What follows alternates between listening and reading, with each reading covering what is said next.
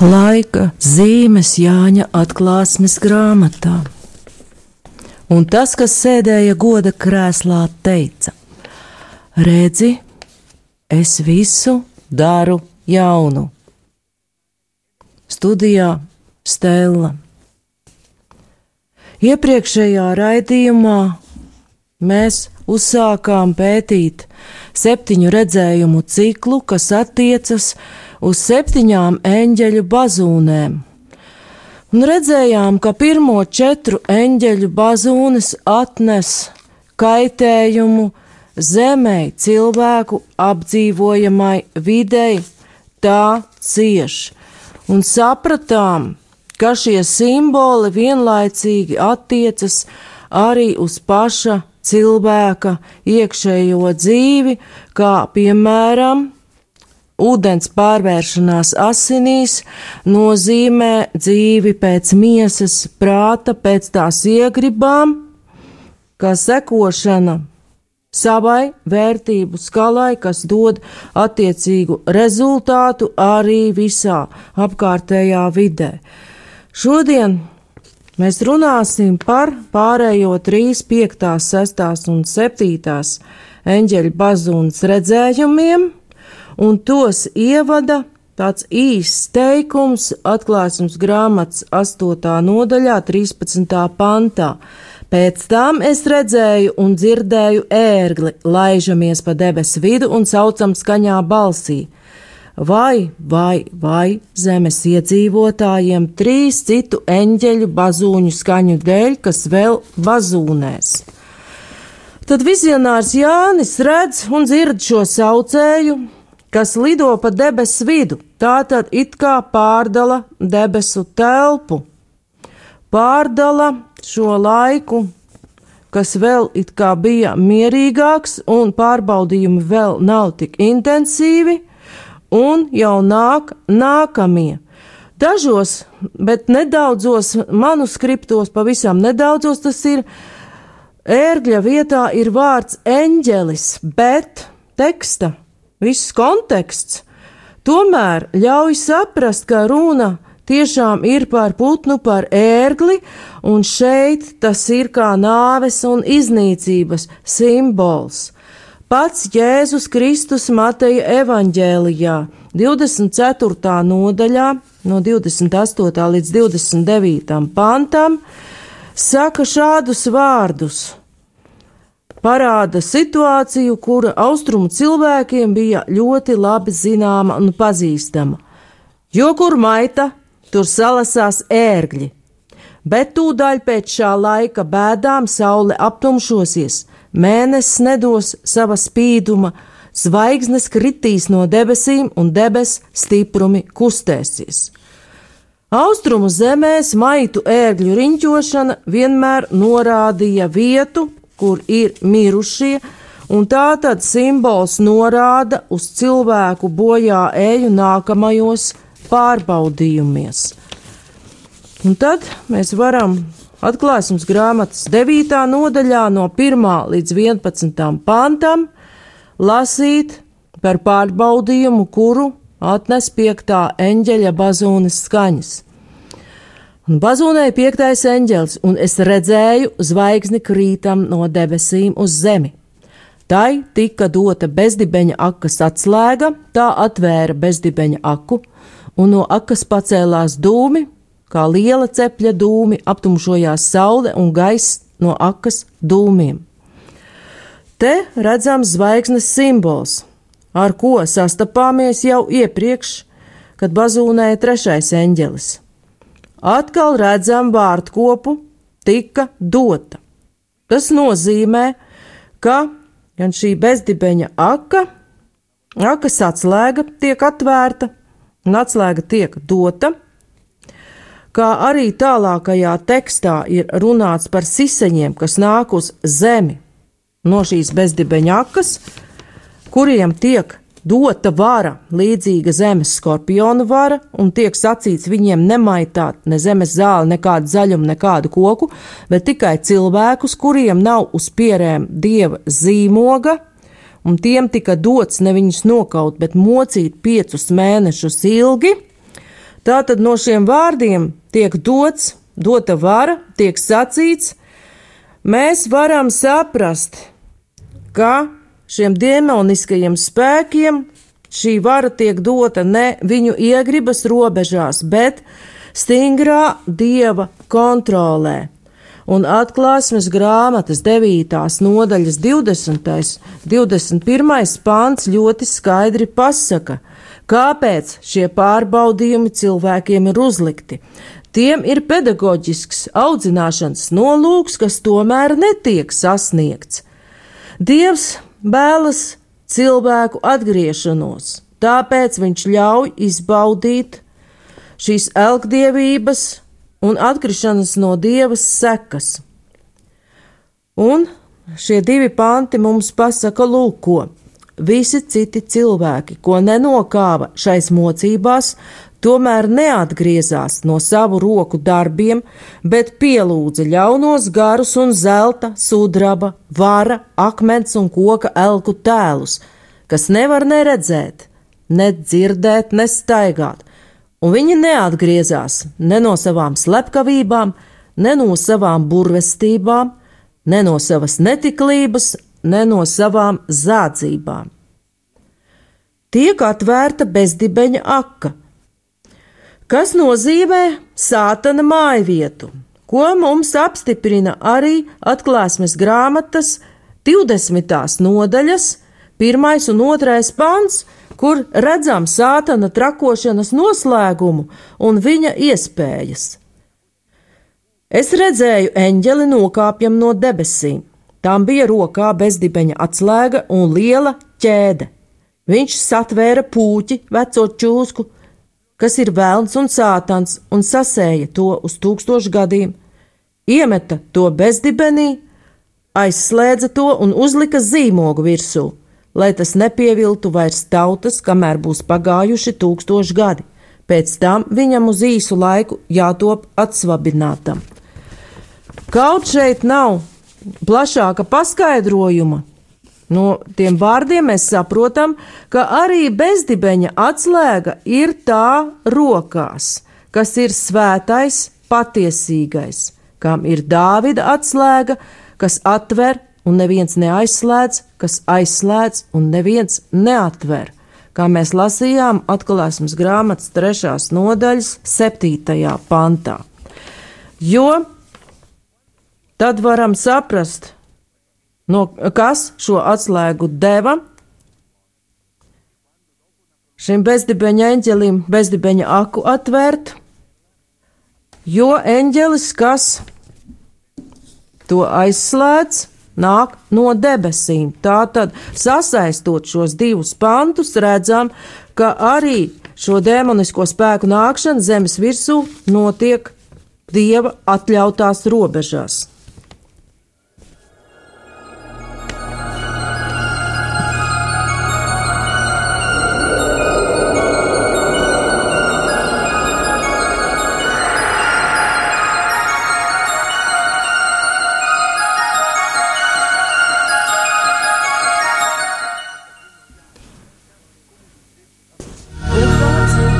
Kāds tad pārbaudījums nāk no šīs bezdibeņa akas un no tiem dūmiem? Nāca siseņi uz zemi, un tiem tika dota vara, līdzīga zemes skorpionu varai, un tika sacīts viņiem nemaitāt ne zāli, nekādu zaļumu, nekādu koku, bet tikai cilvēkus, kuriem nav uz pierēm dieva zīmoga. Tiem tika dots ne viņus nokaut, bet mocīt piecus mēnešus ilgi un viņu mokas līdzīgas mokām, kad skorpions sadzēlis cilvēku. Tanīs dienās cilvēki meklēs nāvi, bet neatradīs. Viņi gribēs mirt, bet nāve bēgs no viņiem. Siseņi līdzīgi zirgiem, kas jūgti karam. Uz to galvām ir vainagi zeltam līdzīgi, un to sejas kā cilvēku sejas. Tiem mati kā sieviešu mati un zobi kā lauvas zobi, to bruņas līdzīgas dzelzs bruņām un to spārnu švīkstoņa kā ratu troksnis, kad daudz zirgu skrien cīņā. Astes tiem līdzīgas skorpioniem, tiem arī ir dzeloņi, to astēs ir to spēks cilvēkus mocīt piecus mēnešus ilgi. Pār tiem ir ķēniņš, bezdibeņa eņģelis, kam vārds ebreju valodā abadons, bet grieķu valodā Apolions. Tad diezgan briesmīgi ir šie tēli, pat mūsdienu cilvēkam nesaprotami, un tie ir diezgan nesaprotami bijuši arī iepriekšējos gadsimtos. Bet kas tad tur ir pateikts? Cepļa dūmi, kas nāk no bezdibeņa, sauc atmiņā Sodomu un Gomoru, bet siseņi atkal parāda saikni ar vecās derības izceļošanas grāmatu. Izceļošanas grāmatā desmitā nodaļā no 13. līdz 15. pantam mēs lasām un no rīta austrumu vējš atnesa siseņus, un siseņi nāca pār visu Ēģiptes zemi un nolaidās visas Ēģiptes zemes robežās ļoti lielā skaitā. Un tālāk nedaudz es izlaižu, jo laika maz. Ir teikts, ka tie noēda visus zemes augus un visus koku augļus, ko krusta bija atlicinājusi, un tur nebija vairs zaļuma nec kokiem, nec lauku augiem visā Ēģiptes zemē. Izceļošanas grāmata runā par reāliem kaitēkļiem, kas spēj ražai nodarīt milzīgu kaitējumu, bet tie nekad nav bīstami cilvēkiem. Joēla grāmatā pirmā nodaļā, ceturtā pantā tie vairs nav parādīti tik tieši, bet jau ir redzama tāda kā simboliska saikne ar sodu par grēku. Kas palika pāri cirmeņiem, to aprija siseņi, ko atstāja neskartu siseņi, to nograuza vaboles, un kas pagalābās no vabolēm, to apēda tārpi. Uzmostieties dzērāji un raudiet, vaimanājiet vīna cienītāji jaunā vīna dēļ, jo tas zudumā, jūs gājas zudumā jūsu mutei. Varana un savā daudzumā neaptverama tauta brūk virsū manai zemei. Tā ir zobi kā lauvam un dzerokļi kā lauvas mātei. Tātad šie vārdi, ar kuriem raksturoti atklāsmes grāmatas, šie briesmoņi, ir šajā Joēla grāmatā kā niknās uzbrukošās tautas simbols. Atklāsmes grāmatā tēloties izseņi nav bīstami veģetācijai tie cilvēku vidi, kurā tie dzīvo, neaiztiek. Tie ir bīstami tikai cilvēkiem, un tiem ir dota vara cilvēkus mocīt ierobežotu laiku. Ir bijuši skaidrojumi, kuros šo izseņu dīvaino izskatu mēģina salīdzināt ar modernajiem ieročiem, bet loģiski domājot, tā interpretācija neiztur kritiku, jo ieroči vienmēr ķeras pie cilvēku dzīvības, bet Aktuāls mūsdienu pasaulē ir baznīcas tēvu skaidrojums, ka no bezdibeņa akas nākošie dūmi ir cilvēku ļaunums, kas pat kādu brīdi spēja baznīcas gaismu aptumšot, bet nenodzēst. Un varam attīstīt tālāk šo domu un saprast, ka tāda bezdibeņa aka ir arī cilvēka sirdī, kas dzīvo pēc miesas prāta un gudrības, par ko runājām iepriekšējā reizē. Un tad no šādas sirds, kura jau to par sātanu bezdibeni, nāk ārā tie siseņi, par kuriem Jēzus Marka evaņģēlijā septītā nodaļā no 20. līdz 23. pantam saka, bet viņš sacīja, kas no cilvēka iziet, tas apgāna cilvēku, jo no iekšienes No cilvēka sirds iziet ļaunas domas, nešķīstība, zādzība, slepkavība, laulības pārkāpšana, mantkārība, blēdība, viltība, ienaidība, skaudība, dieva zaimošana, lepnība, vieglprātība.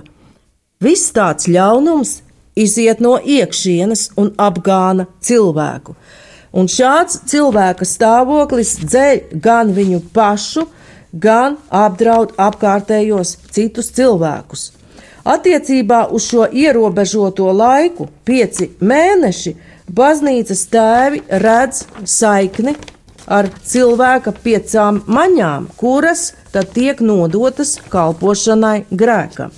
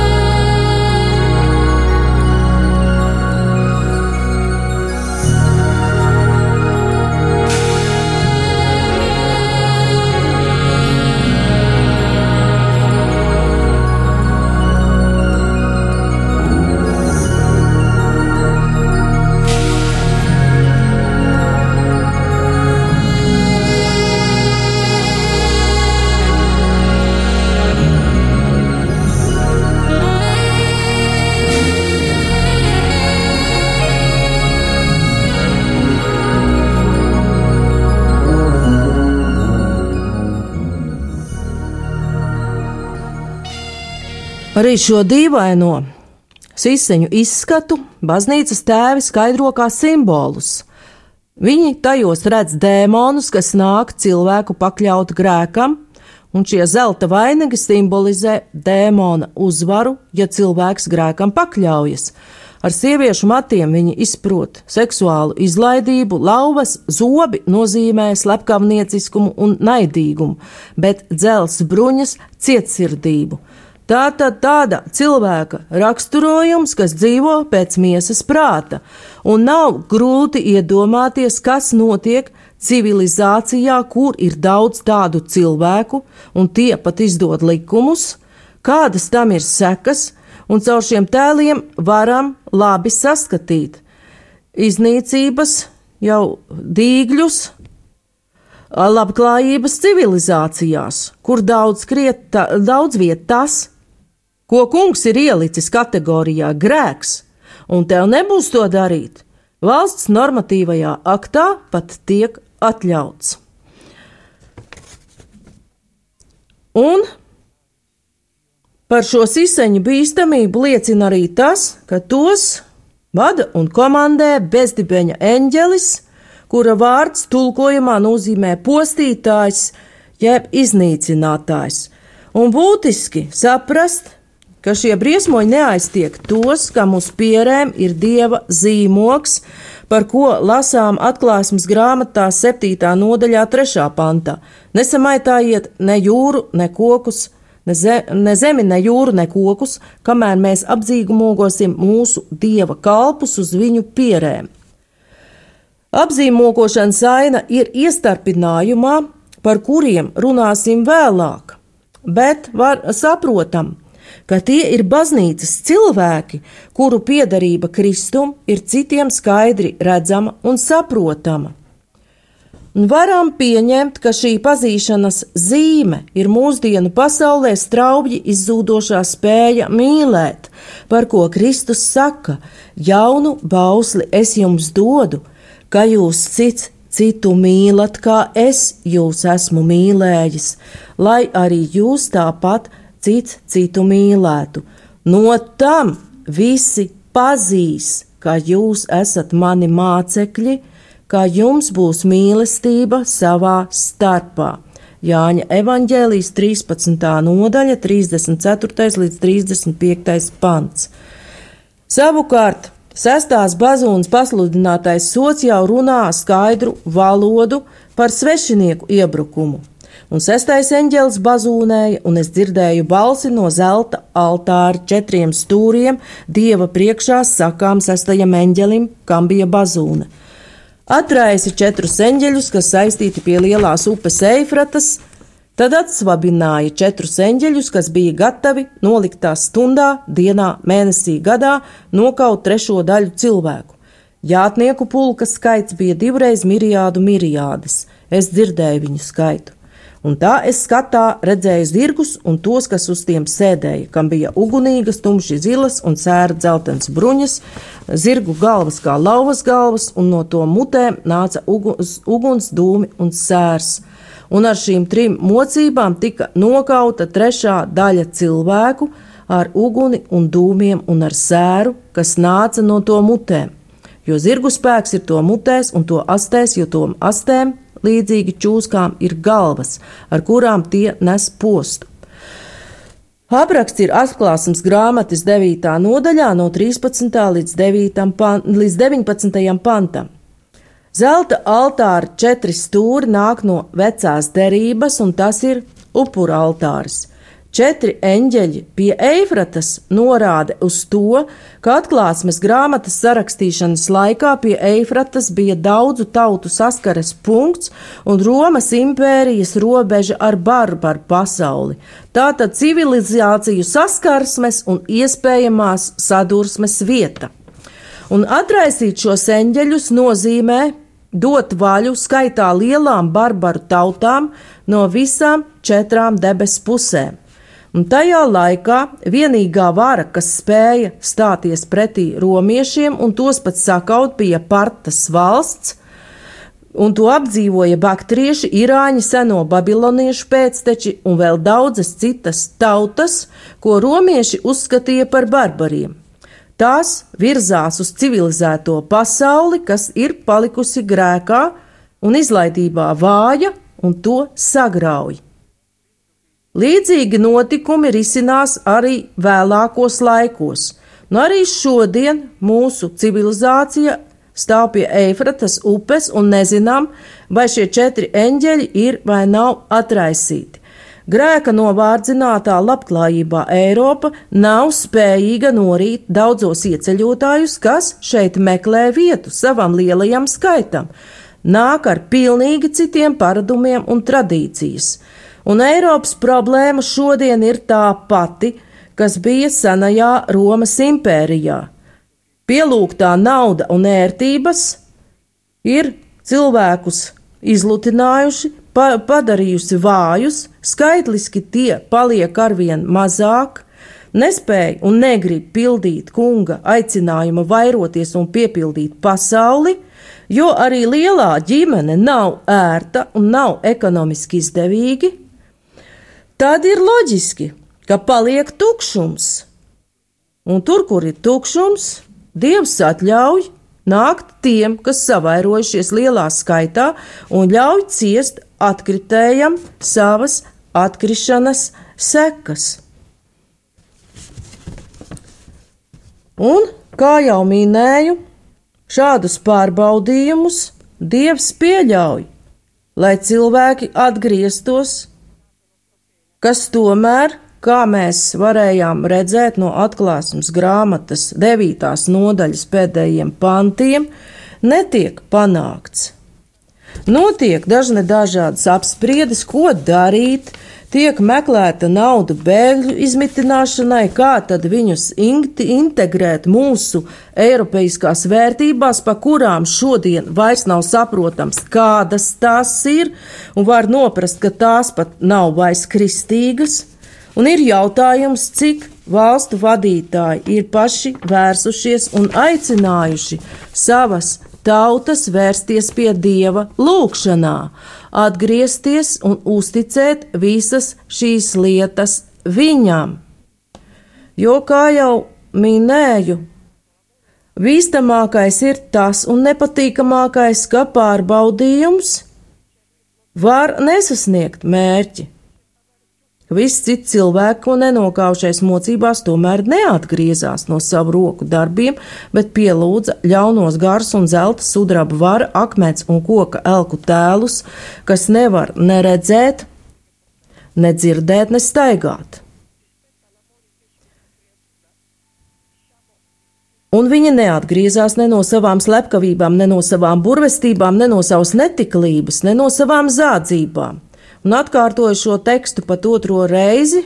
Abi panti ir savā ziņā paralēli un saistīti, jo elku pielūdzējs, kas pielūdz tās minētās lietas, mūsdienās tie nav zelta sudraba tēli, bet tās ir vesels ekonomiskas sistēmas, un tas ir banku konts un ērtības, bet šie elku pielūdzēji paši pielūdz aklus tēlus un paši ir akli, neredzīgi un nedzirdīgi, nespēj izšķirt labu no ļauna.